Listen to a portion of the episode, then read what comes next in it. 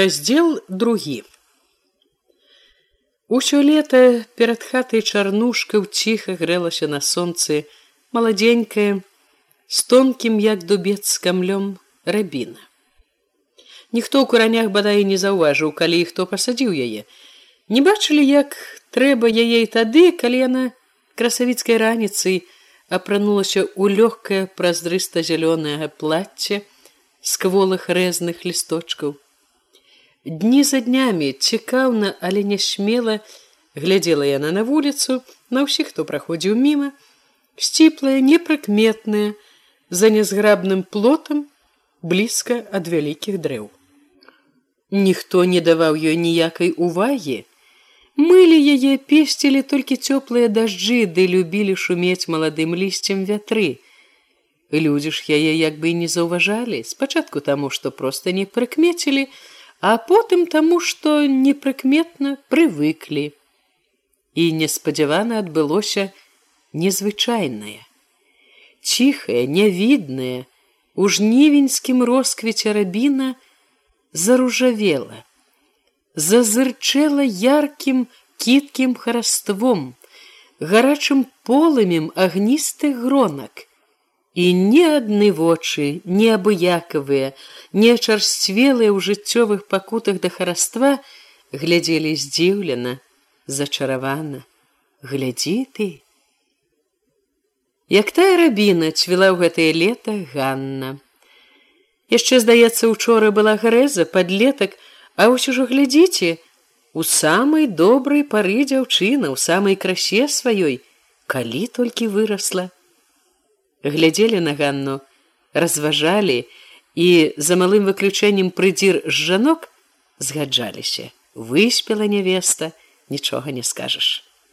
Часам пры гэтых гаворках асабліва жанкі ўспаміналі ганніну маці нябожчыцу. Казалі што дачка ва ўсім выйшла ў матку. Заблічча дык як вылетыя і невялічкай ростам і не гладкая худая можна сказаць і плечы як у маткі вузкія і руки тонкія і косы чорныя густыя аж блішчаць бы намочаныя. І смугляватасць на твары такая ж і шчочки таксама ж выпінаюцца. Іншы раз языкі жанок прыдзір ці зайздросніц меркавалі што грудзі ў ганны малаватыя як кулачки чым толькі дзіця карміць будзе калі давядзецца. Але пры ўсім тым нават прыдзіры і зайздросніцы не пярэчылі Ганну ніяк нельга было палічыць за кволую.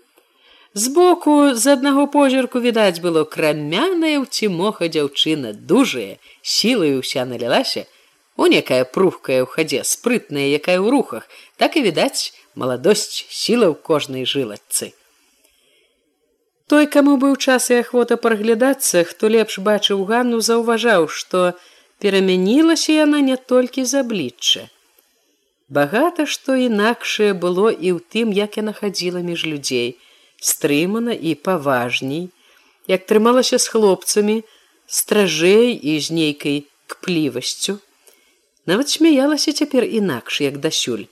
Смех быў ужо не такі бесклапотны, не пусты па-дзіцячы, у ім таксама звычайна чулася кплівасць, і штосьці як бы таілася ў гэтым смеху, і глядзела яна інакш, нядаўна адно дзекавата цікаўнымі вачыма як і раней не было здавалася такой хвіліны каб вочы яе вільготна цёмныя падобныя на спелыя вішні былі абыякавыя нудлівыя.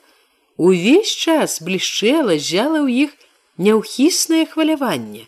Але сачылі яны з-пад шаўкавіста чорных смелых броваў цяпер з падсцярожлівай пільнай уважнасцю і здавалася толькі і чакалі выпадку кпліва падсмяяцца. Іншы раз маглі яны як і раней бліснуць весялосцю, але часта, вельмі часта гарэлі ў іх недавер'е і насмешка. У іх таксама ж нешта таілася у цудоўных вішнёва-чорных вачах. Амаль усе куранёўскія цёткі і дзядзькі згодна лічылі, што набыўшы паважнасці, Ганна разам з тым стала і больш неспакойнай і аж залішне задзірастай. Ні аднаму ў куранях не даспадобы была і яе ганарыстая упэўненасць, Ледзь не кожным учынкам Ганна здавалася паказвала, што ў яе на ўсё сваё сталае меркаванне, свой цвёрды погляд. Хлопцы і гарнуліся да яе і нібы пабойваліся. Акрамя таго, што стрымлівалі ганніна задзірыстасць і ганарлівасць, ім помнілася, што не лішне асцерагацца і яе язычка. Ведалі яны і тое, што ганну не дай бог увесці ў гнеў. Тады яна ў момант страціць роўнасць сваю, забудзецца на ўсё загарыцца адным. гарачая, нястрымная, небяспечная яна, ганарліўка Ганна. Васіль не прыглядаўся асабліва, не перабіраў, не вымяркоўваў. Ён быў для гэтага вельмі ж здзіўлены, зачараваны жылі побач, бегалі з другімі на выган, пасвілі жывёлу, колькі гадоў бачыў між іншых і не ведаў, не здагадваўся, хто такая Ганна. І нечакана пасля вечара на лузе адкрылася ўсё. І убачыўшы, адчуўшы такое, збянтэжаны, уражаны, стаў як сам не свой. Свет як бы перайначыўся адразу. Ён быў цяпер поўны цудаў і радасці, незвычайны свет і ўсе цуды і радасцю ім тварыла Ганна. Адны яе руки, пераплёўшыся пальцамі з васілёвымі, маглі рабіць яго многія ночы шчаслівым. Калі яна паслухмяна тулілася, яго поўніла дзіўныя, незразумелыя і нязвыкла хорошае тамленне ў грудях. Туман таямніча над балотам, ціхі шэпт груш нават яны змяніліся сталі інакшыя дзівосныя дзякуючы ёй калі яна была побач радасць шырокая бязмежная жыла ў ім ва ўсім.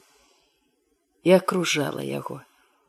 У гэтай радасці ночы не плылі а ляцелі і світальныя зоры прыходзілі заўсёды вельмі рана. Цэлымі днямі што б не рабіў васіль зачаравана ўспамінаў ганну думаў пра ганну шукаў вачыма ганну чакаў ночы спаткання з ганнай час быў не для кахання. Гарачы жнівеньскі час. Людзі ўставалі раней за сонца вярталіся ў сяло ў поцемку. Павячэрыўшы куранёўцы адразу валіліся спаць. Кароткія яшчэ ў жніўні ночы. Вечар ледзь не сустракаецца са світаннем, а трэба даць уціхнуць з моры ў руках, у нагах, у чыгунелай спіне, адпачыць целу ад едкага поту. Васіль жа ледзь толькі пачне гусцець поцемак, бачыў адно жардзяны плот каля чарнушкавага агарода, дзе стаялі першы раз, калі яшчэ не асмельваўся узяць ганну за стан. І дзе з таго вечара стаялі ўсе ночы. Як заўсёды спяшаўся і ў гэты вечар. Сербануў некалькі лыжак гурочнага рассолу схапіў гурок каб даесці ў дарозе ускочыў з-за стола маці амаль нявідная ў душным хатнім змроку з другого боку стола параіла. Возьми яшчэ цю трэцькі ў кусі наеўся уже василь варухнуўся нібы адганяючы стому пачуў як ные натружаная за дзень спіна млосна падгінаюцца ногі. Не баўся вельмі не ўтрывала попрасіла ўслед маці зачыняючы дзверы чуў як уздыхнула.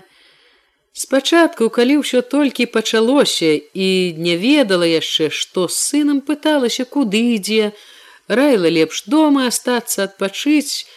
Потым па шчаслівым васілёвым твары па гаворках жанчын зразумела ўсё і адно ўздыхала ўслед. Васіль саскочыў з ганка і на момант стаў думаючы дзейсці вуліцы ці гумнамі. У іншыя дні хадзіў праз гумны, каб не сустракаць нікога не бавіцца марна, сёння прыпазніўся, калі завёў каня на узболатак можна ісці вуліцу і на вуліцы цяпер нікога. І ўсё ж падаўся на прыгуменне звыклую сцежкай мінуўшы чорная гуменца што пахла старою гніллю і сухім свежым жытам па загуменнай дарозе ўжо не ішоў адбег вясёлы нецярпялівы да знаёмых цяпер такіх мілых груш ускрэсяла яшчэ зводалек заўважыў, што Ганна ўжо чакае, прытулілася да кала ціха стаіць каля плота. У цемры постаць яе ледзь значыцца а твару і зусім не відаць, але Васіль ведае, гэта яна. Хто ж яшчэ можа быць тут на іх запаветным месцы? Яна адхінулася ад плота, прамовіла: « Вельмі ж ты хапаўся. Вельмі не адразу зразумеў ён. Яно відно, пеўні скора заспяваюць. Ды гуза на ўзбола так вадзіў. Васіль разумее, што апраўданне гэта ніяк не апраўдвае яго, бачыць, што вінаваты. Другі раз няхай прося гарбатая цябе столькі чакае, а я не буду. Васіль і не апраўдваецца і не просіць, каб не злавала. Ён не ўмее прасіць. Так яны стаяць спачатку блізкія і далёкія, стаяць і маўчаць, адзін вінаваты, а другая пакрыўджаная. Васіль няёмка корпае пальцам жертку, адкалупвае кару, Ганна хоць бы зварухнулася. Недзе на другім канцы завялі сумную песню, мусіць сабралася кубка моладзі. Песня хутка сціхла, знянацку віскнула дзяўчына, якую шчыкнуў ці паказатаў гарэза хлопец. Алена зайчыкава, мабуць, першая гоніць цягучую маклівасць Ганна. Мабуць, Алена. От любіць вішчаць. Шчакоткі страх, як баіцца. Яна раптам упікае. А вы уже і рады. Ты я што, ну трэба я нам неяк за леташні снег. Мабыць, трэба. Да як калі яе ніколі блізко не сядзеў. А не брэшаш? Тут що хрысціцца хіба. Васіль адчувае, што Ганна ад гэтых яго слоў мякчэе. Ён, праўда, яшчэ засцярогай бярэ ў сваю яе цёплую руку, Ганна не адбірае. І васілю становіцца радасна да яго зноў вяртаецца шчасце вялікае неабсяжнае здаецца шчасцем. Гэтым напоўнены не толькі васілёвыя грудзі а і ўся ноч. Уся цёмная духмяная цішыня што дрэмля над куранямі все здаецца добрым радасным нават старыя патрэсканыя дзе-нідзе аблезлыя без кары жерткі за плотам гарбузнік у парты хвост якога ў лес поблізу накол далей на агародзе сярод гарбузніку градак за гурочнікам пахучым кропам і кіяхамі няпэўныя ў змроку абрысы груш як вартавыя ў балахонах.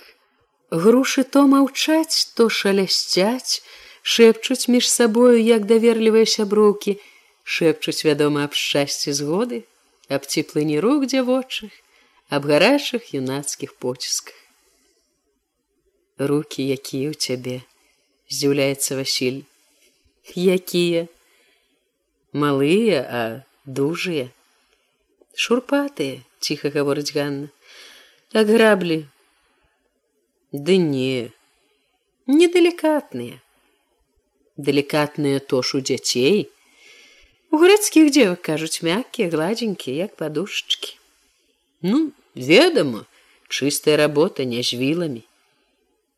Яны зноў маўчаць, але маўчанне гэтае радаснае чыстае ад яго весялосць у грудях шырыцца праціскаючы да сябе ганіны руки василь нарэшце гаворыць ты мабыць б'ешся балюча баішся лагодна смяецца ганна і дадае я злая як што не па мне.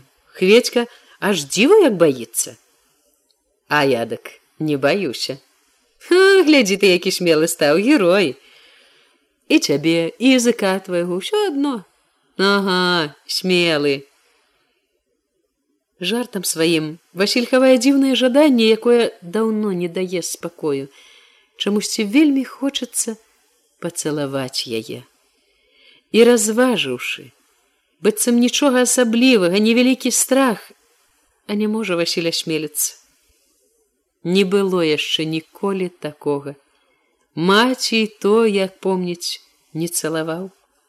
Калі толькі падумае што зараз пацалуе ганну неякавата робіцца адразу сорамнай трывожна але не адчэпа спакуса ліха на яе не адыходзіць. Нават з часам мацнее. У другіх хлопцаў гэта вельмі проста. Хоня гарэза той і на танцах пры людзях бывае пацалуе яму хоць бы што. А васілю цяжка. У яго ўсё выходзіць няпрост ой не цісні так пальцаў просіць ганна. Ты я ж не вельмі не вельмі атрываць не можна вонь василь отпускае яе руки доўга пасля гэтага стаіць он моўчкі тоечы ў душы крыўду. Ну падумаеш якая далікатная трошачки ад душы ж пальцы паціснуў. Яна ўжо трываць не можа не хоча ну не трэба. Яно зусім можа за руки яе не браць. І не возьме і так не ў меру для сябе пагаварыўшы перад гэтым адасоблены ў думках ён маўчыць доўга маўчанне які раней яго аднак не бянтэжыць Васіль яго нібы і не заважае. Ён і то ж дзіва гаваркі з ганнай зрабіўся, другія бывае з яго слова не выцягнуць. Васіль неахвочы да пустой гаворкі. Шумяць, шапочуць грушы. Недзе зайшоўся брэхам сабака яму падсабіў другі, сабакі хутка ўціхаюць і ўжо зноў толькі грушы шумяць. Васіль маўчыць не зважаючы на тое, што Ганна пачынае неспакойна варушыцца, паглядае на яго з нецярплівасцю. Глячу я на цябе і думаю, кажа Ганна і знарок змаўкае. Што? Кавалер з цябе вясёлы, ўсё адно як вада ў роце. Васіль ужо гатовы быў зноў пакрыўдзіцца, але Ганна добра шчыра просіць: « Ну скажы што-небудзь. І ў Васіля ад гэтай яе добрай шчырасці, гатовы ўзняцца крыўда ўраз ападае. Ён падвесялелы думае, шукае, што ей сказаць. У карчавуні вараны жарабец нагу на цвік насадзіў кульгае, корч ездзіў у мясцечка па доктара. А я, я яго бачыла, Ён вёз яго уже пад вечар, пад вечар. Ну, то бачыла, стары сам як грак сядзеў с пугай. Ну і што будзе ён бегаць цяпер жарабец той. Ды кажуць будзе, але маюць папарваў на сабе валасы стары корч, пакуль супакоілі. Са злой радасцю дадаў Васіль. А Ганна неспадзеўкі прамовіла: « Ты бо зайздросціш? Я не асекся Васіль е чаго. Ён зноў змоўк і можа надоўга б, але раптам успомніў важную навіну, якую пачуў днём на поле. Кажуць, зямлю нанова перарэзваць будуць. А еш і я чула, жанкі на выгане гаварылі: Добра б, А то некаторыя он расселіся, як паны, що лепшае пахапалі. Мабуць, праўду кажуць, парадкі цяпер такія, што могуць перадзяліць па справядлівасці. А корч, які кавалак адхапіў каля цагельні, а другім дак пясок ці балоту зямлі мало душацца людзі. Васіль думаў узрушана недаверліва. Не дадуць яны перамераць гады такія. Хто? Багацеі.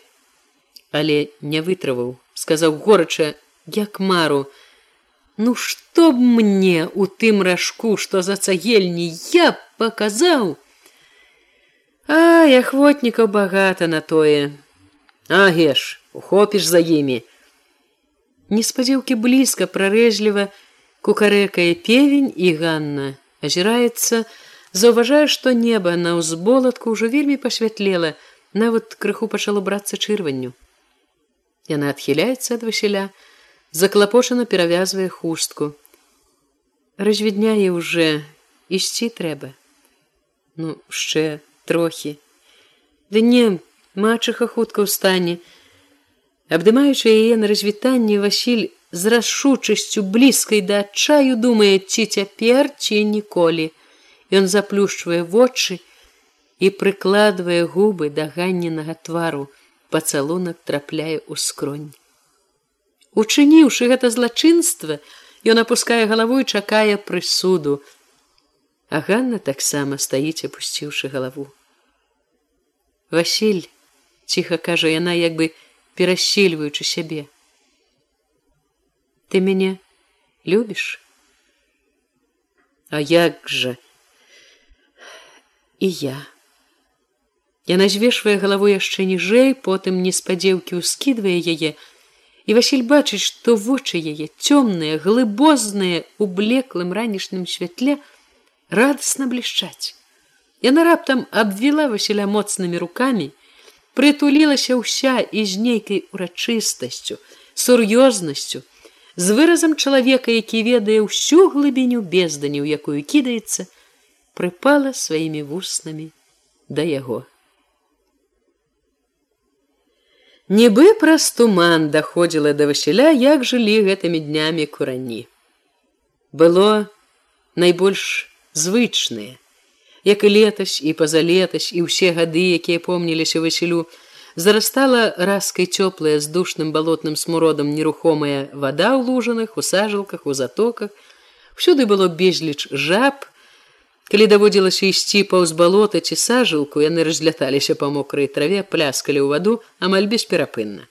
Кваканні іх поўніла дзённую млоснасць вечарамі і ўночы дралі яны горла як асатанелыя на ўсе лады не было адбою ад камароў Пад вечар куранёўская вуліца двары сады агароды аж гулі ад камарэчы, якая кіпела хмарамі бязлітасна кідалася на ўсё жывое.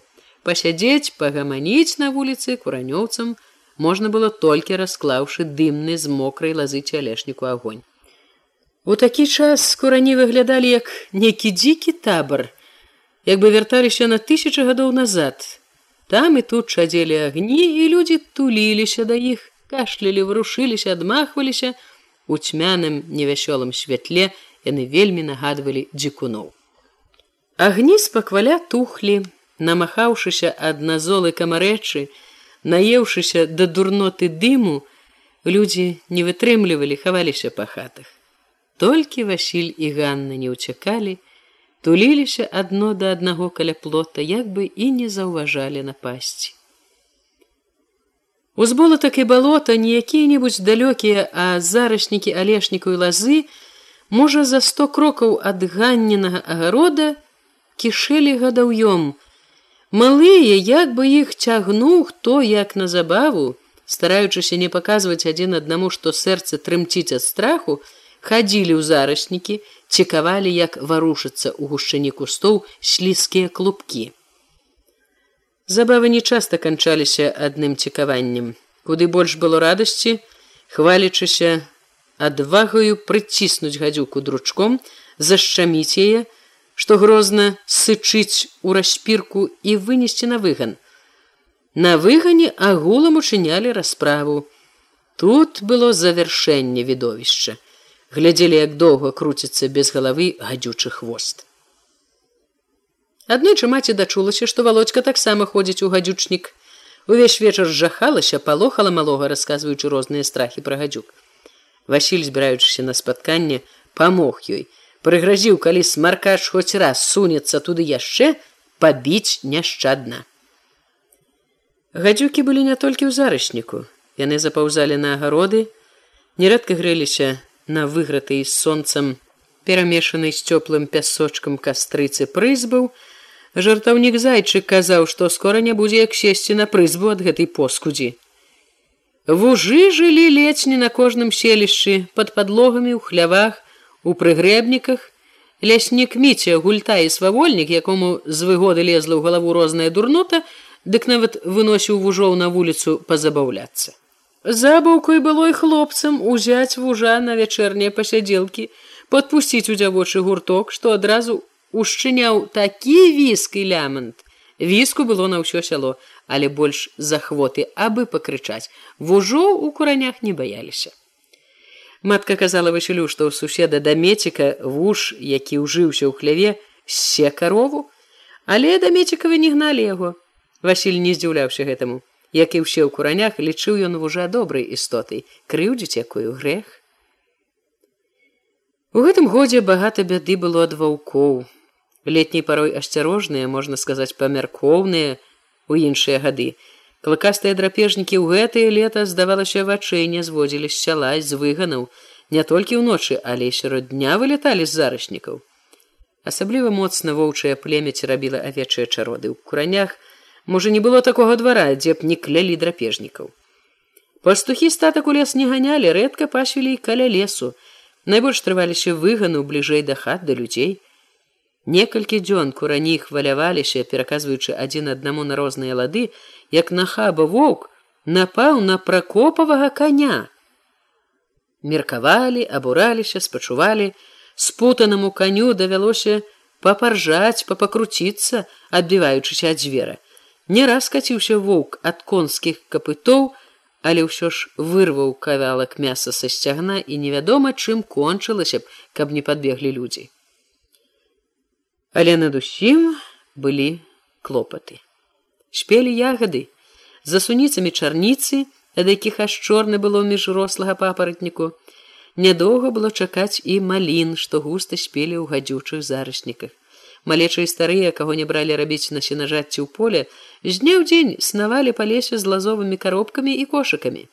Кожны зручны момант хапаліся з лугу з поля ў лесы жанкі і мужчыны, працаўнікі, у лесе цяпер была важная праца. Ягады былі ніякія там прысмакі, як у другіх. У куранях ягадамі карміліся. Ягады збіралі, сушылі на продаж, на грошы, на чорны зімовы ці вясновы дзень.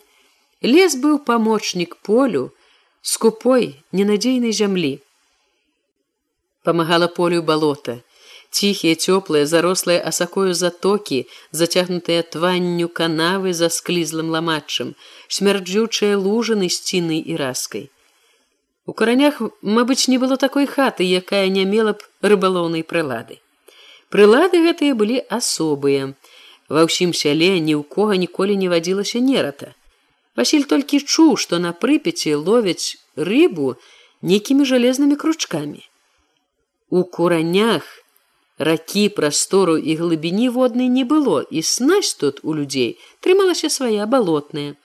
Лазовыя баўтухі, лазовыя таптухі, венцяры, сплеценыя з канапляных нітак кломлі.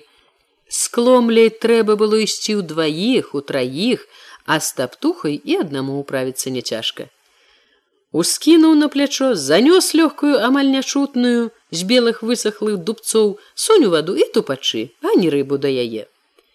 У Васіля была і таптуха і кломля, що дзедавага вырабу, снасць чужым вачам проста такі зайздросная.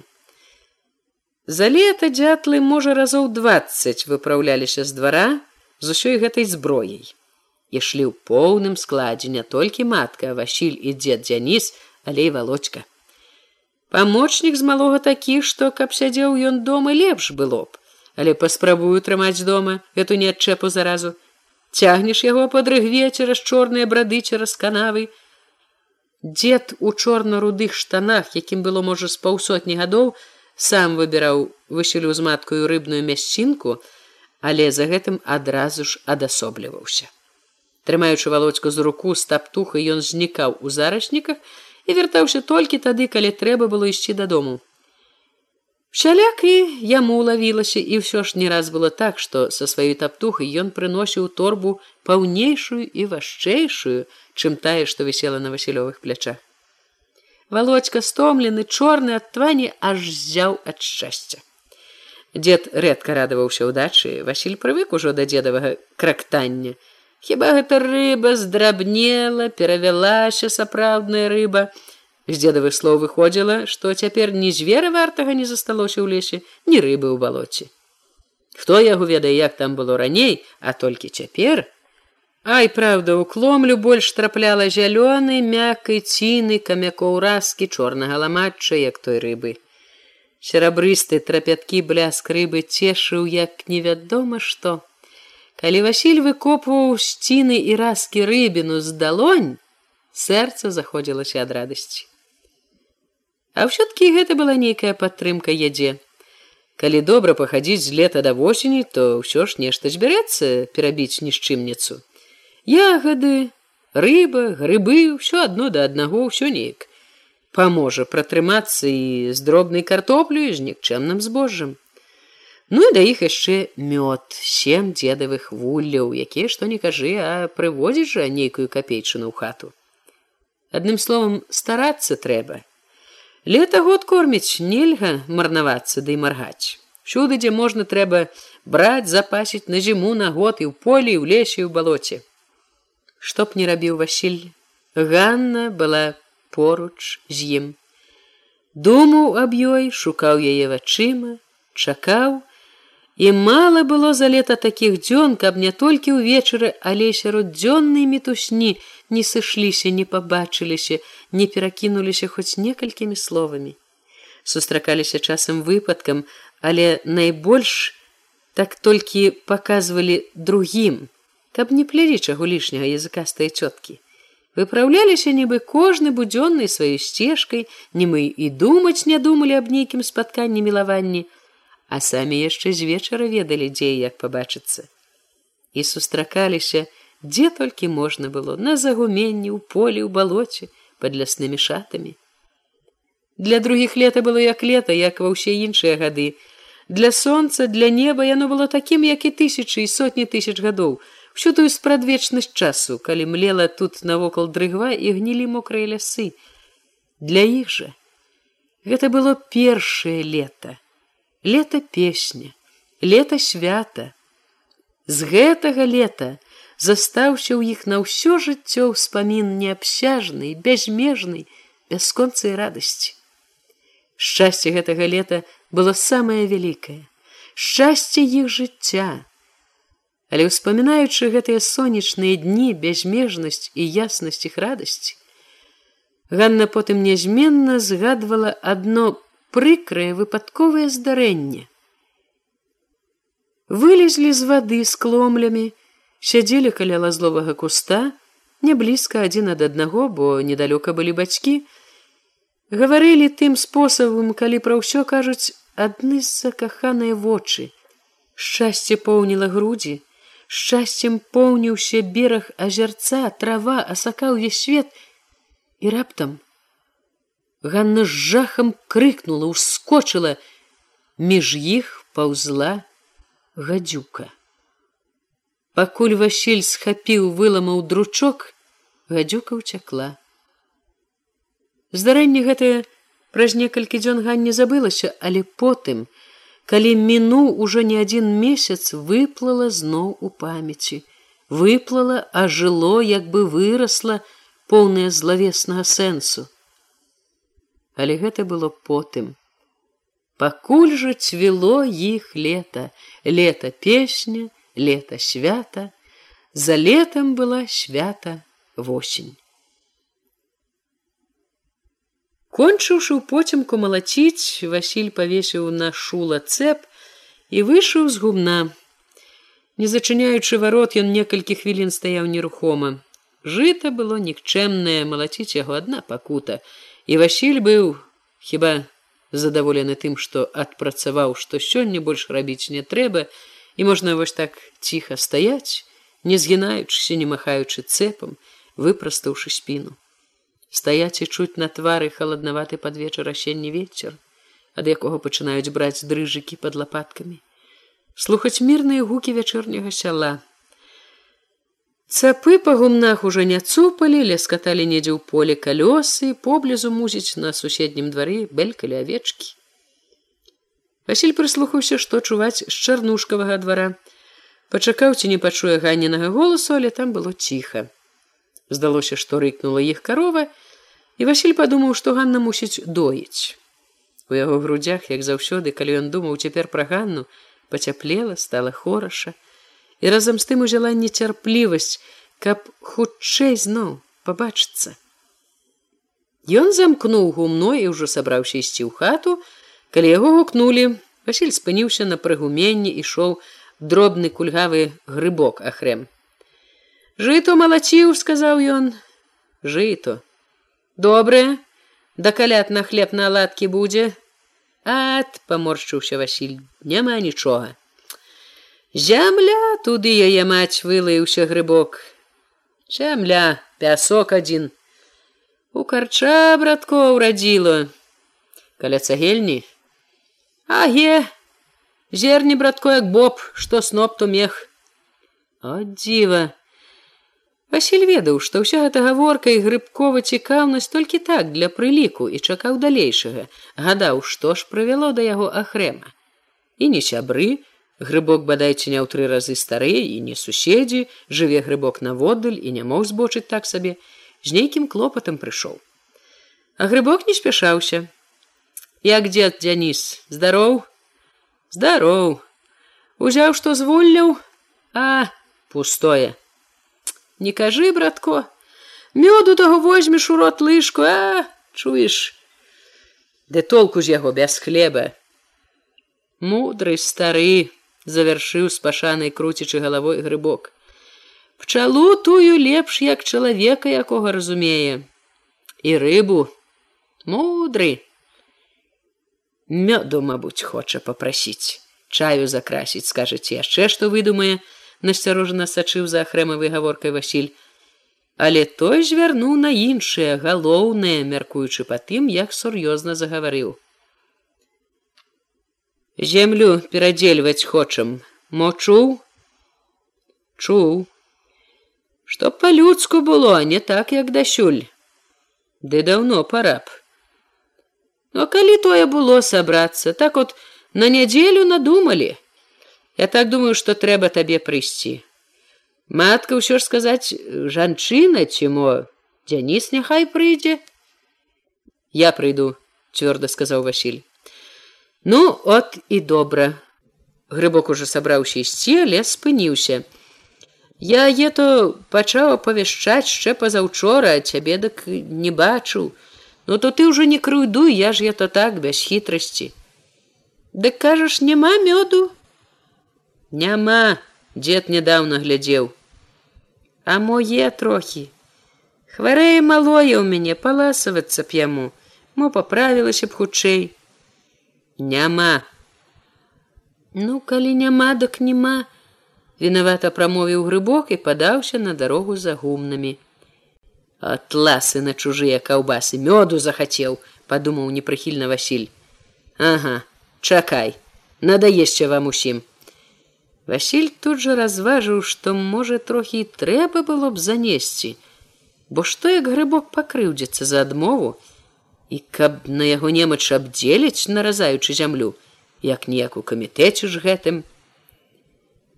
З кім ты там гаманіў сустрэў дзед дзяніс, калі Васіль увайшоў на двор. А грыбок, Чаго ён? Сход кажа будзе зямлю дзяліць і мёду прасіў для дзіцяці маўляў хворая хворая ну то трэба было б даць лыжку ага даць надаешся кожнаму а што на кірмаш павязем хлеба купіць дзед не стаў пярэчыць васіль у доме станавіўся як бы старэйшым пачыну гаспадаром забіраў уладу. Калі васіль павячэраўшы устаў з-за стола маці клапатліва параіла світу возьмі на дождж бы збіраецца Та на холод бярэ адазваўся дзяніс дажджу не павінно але світу на дзень Васіль накінуў світу на плечы выйшаў з хаты. На дварэ было цямней хмурна і холодна з блізкага балота несла гнілой вільгаццю Ганна прыйшла на запаветную іх мясцінку каля плота у акуратным з дамашняга сукна жакетику. Васіль ужо не раз сам сабе азначаў што яна прыбіраецца ідучы на спатканне яго гэта поўніла гонарам стараецца как падабацца яму стараецца як перад сапраўдным кавалерам Васіль хацеў прытуліць яе прыкрыць світаю але яна ўпёрлася руками адхінулася і доўга стаяла асобна вільготны ветер з балота вырушыў яе валасы яна час ад часу іх папраўляла жакетка відаць грэла кепска ганна мёрзла але не прызнавалася яна моцна застыгла і калі Васіль зноў прытуліў яе пад світу, перастала дрыжаць не адразу. Разам было цёпла і хораша. Васілю было чутно, як трапеча б'ецца каля яго рукі ганне на сэрца. Горнучы яе Васіль марыў. Кеп з таго кавалка, што каля цагельні дасталося, то б надзел быў. Мёду парадаваў бы, насенне б купіў адборнага, пабачылі б, любіш ты хваліцца а чаго ж мо не верыш да не можа і верую калі не хлусіш то мабуць праўда праўда ён дадаў пераканана за мной не прападзеш уга ты ж не казаў што хочаш узяць мяне но чаго казаць і так відно а я думала ці не напросю гарбатую памяняць сабраўся ні слова не кажа пра ето Васіль заклапочана па-гаспадарску стала прызнаецца дзеляцца з ганнаю у хаце холодна цесно сцены пагнілі нашчэнт не хата просто дамавіна ой что дамавіна то дамавіна хачу зімой трохі лесу купіць думаў куплю болей за мёд думаў тут жыта пустое. Мёд трэба мяняць на хлеб.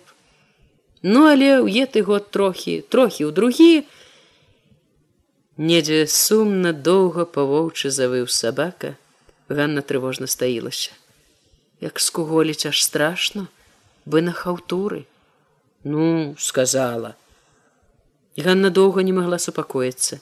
Васіль туліў яе да сябе, нязграбна, важкай рукою гладзіў пругкае плячо спіну. Раптам слых яго улавіў непадалёку шарганне крокаў, і ён, не выпускаючы Ганна азірнуўся. Да іх ад могілак, трумаючыся плота, набліжалася панурая ўзроку постаць. За ёй Васілі разгледзеў яшчэ дзве. Яны падышлі сталі прыглядаючыся. Бач прыліплі нядобра сказаў першы. Другі груба нібы загадваючы кінуў хто такі? А табе што у тон яму таксама груба адказаў васіль. Пагавары балда у гаворцы яго васіль улавіў ясную пагрозу як зваць Ганна ўжо вызвалілася з-пад світы і быстрым позіркам аглядала незнаёмых Толькі тут Васіль разабраў, што рэч, якую чалавек трымае пад пахай, якой Васіль не даў раней увагі, вінтовачны абрэз. Гэты абрэз пагрозна врухнуўся, адчуваючы, як між лапатак адразу пахаладзела Васіль перавёў позірк на двух другіх. яны таксама былі з абрэзамі.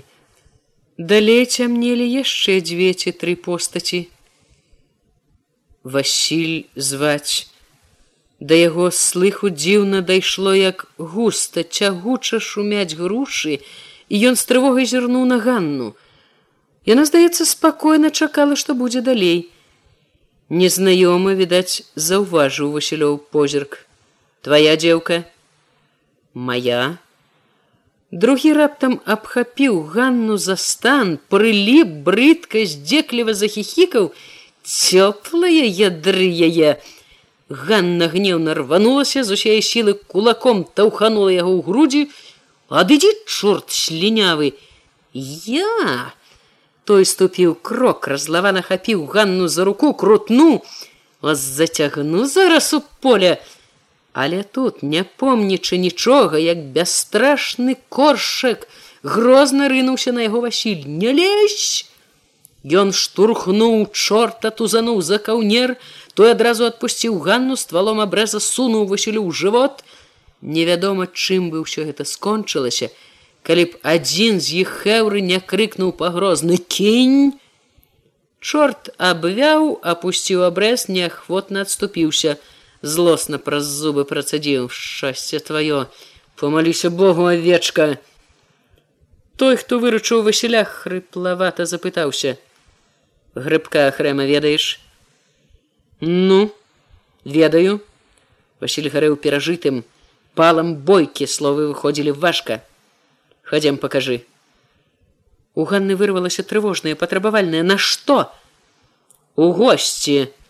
Грозны незнаёмы раптам загадаў лезь да хаты ды глядзі мне дзяржы язык за зубамі твоя нара кінуў ён галавою у бок ганненай хаты моя Дак от сядзі не дыш, калі хочаш быць цэлую, ясно.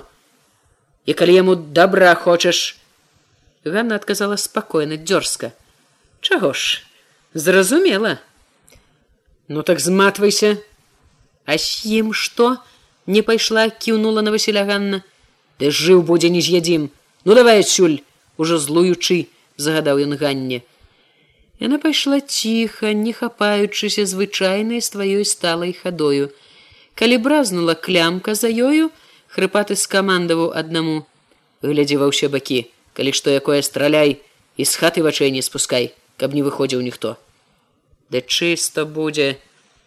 Хрыпаты врухну абрэзам. Давай па загуменні Васіль зразумеў што гэта яму загад і сумна зашаргаў лапцямі па сцежцы не азіраючыся ён чуў што хэўра пацягнулася ўслед чуў шум іх крокаў, смарканне важкае дыханне хрыпатага, які сунуўся адразу за ім. Паўсагарод выбраліся на загуменную дарогу. Гумны стаялі ў цемры панурыя, непрыветлівыя, нізка насунуўшы на сябе важкія мокрыя кучомкі стрэх. У васілёвых грудях нешта сумна тужліва сціснулася. Нагам стала млосна, ён мімаволі стаў. Но ты варушыся падаў ззаду ствалом абрэза хрыпаты. Васіль неахвотна паплёўся далей. Адчуваючы халадок на патыліцы, ён мімаволі трывожна, пільна лавіў усё, што было там за ім, дзе ішла хэўра.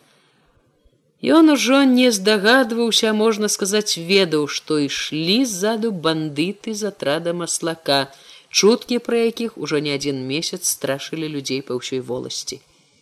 Яго поўніла разуменне вялікай неспадзяванай бяды. Нядаўняя смеласць, з якой ён абараняў ганну, ужо выветралася. У пацверазелы яго галаве прайшла ясная думка, што не на дабро дапытваюцца яны ахрэма, што за нешта палічыцца хочуць, можа нават і заб'юць.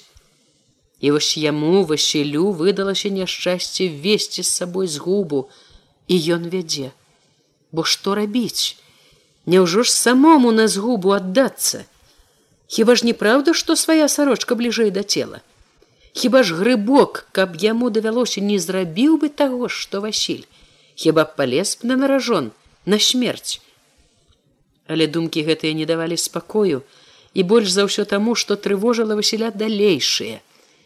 Як там не ёсць, а заўтра, калі прыедзе з воласці міліцыя, Васіль будзе ўсё ж вінаваты. Прыцягнуць на допыт паспрабуй тады апраўдайся перад імі. Памагаў гэтым праводзіў. Зноў цягуча павоўчы завыў сабака. Праўду ганна казала бы на хаўтуры як чула ўсё роўна. Хоць бы душа на прыгуменнях хоць бы цэп дзе-небудзь азваўся. Все ж было б не так самотна не так безнадзейна стукнуць бандюкі і людское вока не ўбачыць. Маўклівыя абыякавыя чарнеюць пустыя гумны под панурымі кучомкамі стрэх. А можа і лепш што яны пустыя не бачаць нічога. Ведаць ніхто не будзе пра васілёву сцежку і раптам поблізу заліўся брэхам нечы сабака злы не ўціхлы вылузнуўся з падварот чорным камяком кінуўся под ногі. Хрыпаваты мімаволі стаў адмахваючыся крутнуў абрэзам. Васіль адступіў крок насцярожана азірнуўся і ў той жа момант пачуў моцны удар по галаве нечым цвёрдым. Улезнуць хочаш сволач сабака упарта не адставаў заліваўся брэхам абудзіў многіх іншых сабак што падмагалі яму на дварах ён відаць не ў меру асмялеў бо раптам енкнуў ад удару і захліпнуўся дзе нецярпліва запытаў хрыпаты васіля далёка зараз не даходзячы да грыбковага гумна спыніўся там селішча яго не брэшаш глядзе калі збрахаў. Яго. Василь попрасіўся цяпер пусціце управішся рэзка адказаў хрыпаты збіраючыся. Пачакаюць дома пакінуўшы аднаго на варце і васіля пры ім хрыпаты ляснуўшы затвораў рушыў з іншымі на грыбковы прыгумення. Першая настук у акно ў грыбковай хаце прачнулася жонка. І на хвіліну слухала, не разумела добра, што стукаюць ім, слухала і спала. Ахрэм, устань! нарэшце паварушыла яна мужа за плячо. Грыбок сапучы неахвотна падняўся, са смакам у голас пазяхнуў, пачухаўся. У хаце было душна і цёмна шоргаючы непаслухмянымі босамі нагамі па халаднаватай глінянай падлозе ён паплёўся да нізкага акенца з прасонку выцягся аброх вушака вылаяўся прыціснуўшыся тварам да шыбы пільна ўглядваўся ў постаць за акном але яна цьмяна расплывалася ў зброку хто там? Свой з воласці хто такі ты па зямельнай справе я зямельный мало вам дня грыбок сапеў думкі варушыліся неахвотна а голас за шыбай тлумачыў Бяда выйшла, запазніцца давялося. Конь нагу вывихнуў, па доктара ездзілі. Ой, неспакойна ў нас. Дак я ж свой. З воласці, з воласці упаўнаважаны. Жонка няласкава папракнула ў лесу ету бяду ноччу сну няма. Ды конь кажуць, нагу папсаваў. Грыбок у поцемку намацаў конаўку, зачэрпнуў вады, нешта вельмі сушыла смага, ён выпіў аж дзве конаўкі. Цішыні было добра чуваць, як булькала ў яго горля вода. Адно з дзяцей з прасонку штосьці часта замармытала, ён паслухаў, але не разабраў і бразнуўшы клямкаю выйшаў у сенцы. Ледзь толькі грыбок звыкла адсунуў засаўку, і шэры узрэбным споднім паявіўся ў расчыненых дзвярах, постаць, якая чакала на ганку, то занула за каўнер. Пікне толькі сволач. Ён пачуў, як у грудзі ўпёралася нешта цвёрдае, холоднае і нічога не цямічы разгублены, ад неспадзяванасці выціснуў: « Братку, што ты? Мы табе не браты юда, таксама ціха злавесна хрыпаты прашипеў: пайшлі. Грыбок скамянелы ад страху пакорліва пацягнуўся ў бок хлява. Пастой тут пасцеражы, каб з хаты дайшлі да яго словы кагосьці з бандытаў. Маслакі, як маланка ўспыхнула ў важкай быццам налітай вадой галаве. Думка гэтая адазвалася ў сэрцы смяротным сумам. Канец давядуць да хлява прыставіць і канец як і не было яго ахрэма ім звесці чалавечае жыццё што плюнуць ні аднаго ўжо камітэтчыка паклалі чуў жа ахрэм пра гэта. Ведаў што не прывядзе да добра камітэта не не ўтрымаўся. Чорт яго панёс. Дык ці ж ён сам набіваўся? Выбралі выбралі на яго галаву. Стой загадаў хрыпаты. Ён стаў. Кайся. Словы заселі ў горле. Не хочаш? Браткі выціснуў грыбок пашкадуйце не нявінны я я не сам у камітэт не ахвотаю да чаго з ім важджацца нецярпяліва адгукнуўся адзін які стаяў далей развіднее скора кокнуць і ўсё нявінны я браткі Бандыт падняў абрэз, ляснуў затворам, памацаў пальцам ці ёсць патрон. Дзета, калі не мяне пашкадуйце. Бандыты былі няўмольныя. Самому трэба было шкадаваць. Ну за што ж мяне нагаварылі, мабуць, не верце, Нявінны кажаш. А перадзел зямлі. Хто захацеў? Ну не я ж сход рашыў сход апраўдваешься сволач ды сход? В общество. От як дам па мазгаў не будзе табе в общества слухай. Перадзел атаман маслак адмяняе запомні калі хочаш дзетак убачыць ясна ды ясна але ж сход.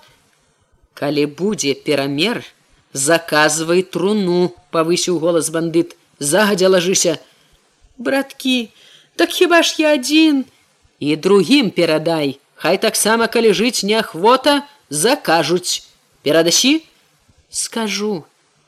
На еты раз усё ідзі грыбок не смелы яшчэ як бы не верачы што ўсё гэта скончылася бачком азіраючыся на хрыпатага ступіў некалькі крокаў. Зараз крыкне верне зноў чакаў са страхам ахрэм але хрыпаты крыкнуў іншае да раніцы шоб не рыпаўся! Грыбок узрадаваў на кіўнуўшы пайшоў хутчэй. Ён яшчэ трывожна азірнуўся калі бандыт свіснуў але свіст гэты быў не да ахрэма хрыпаты напэўна клікаў другога які сцяру хату той адразу рушыў на яго свіст грыбок асцярожна прытуліўся да плота даў дарогу толькі схаваўшыся за дзвярамі ў сенцах шаргануўшы засаўкаю Ён адчуў сябе вальней, але спакою не было і тут. Жонка драмала, як бы нічога не здарылася, кладучыся побач ледь стрымліваючы дрыготку, ён штурхнуў з папрокам спіш. А что, что табе? Грыбок увесь напоўнены нядаўна перажытым не адказаў. накіраваў куды іх пазяхнула жонка.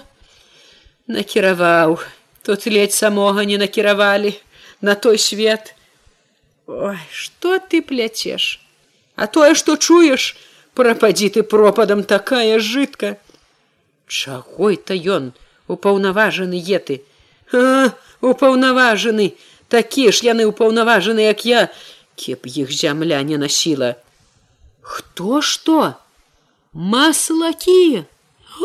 Ой со страхам ускрыкнула жонка.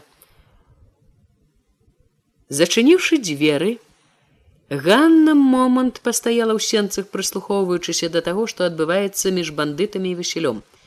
Але гаворкі іх яна не магла разабраць. Паспрабавала ўгледзець іх у шчылінку каля дзвярэй не было відаць яна ўбегла ў хату зірнула ў акно У змроку ледзь разабрала Васіля павялі наперадзе, а самі драпежнымі ценямі панура пацягнуліся ўслед. Пайшлі не на вуліцу, а кудысьці на прыгуменні. Божа ж ты мой, што ж яны хочуць ім зрабіць. Яна тут жа апаліла сябе папрокам, як яна магла паслухацца гэтай хэўры, адысці, пакінуць яго аднаго. Ганна кінулася ўжо да парога, але спынілася. У цёплай цішыні чулася роўнае лёгкае дыханне хвецькі, ды стомлены бацькаў сон.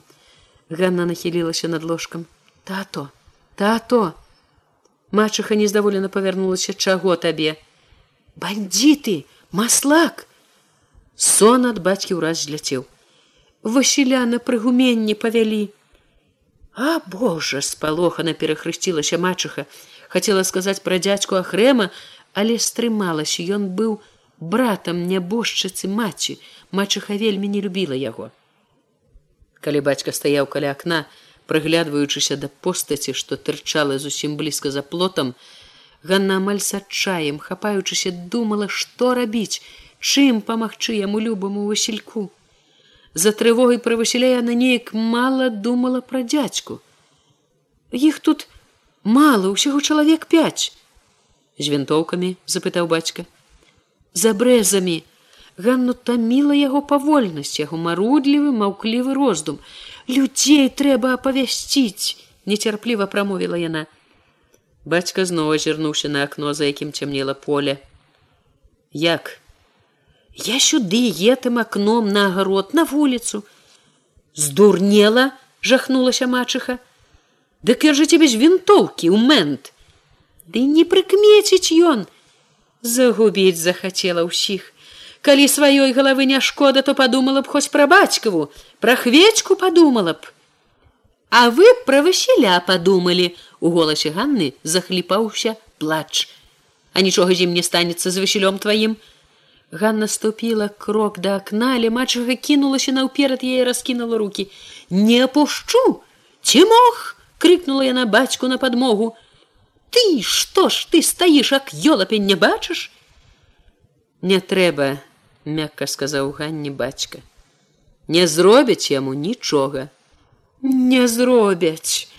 Ганна душачыся слязьмі крыўды роспачы адышла ад мачыкі опусцілася на лаўку. Трывога за васіля за дзядзьку хрэма аднак хутка высушыла яе слёзы. Яна востра услухоўвалася ў цішыню сяла чула зацяты сабачы брэх у баку прыгуменняў.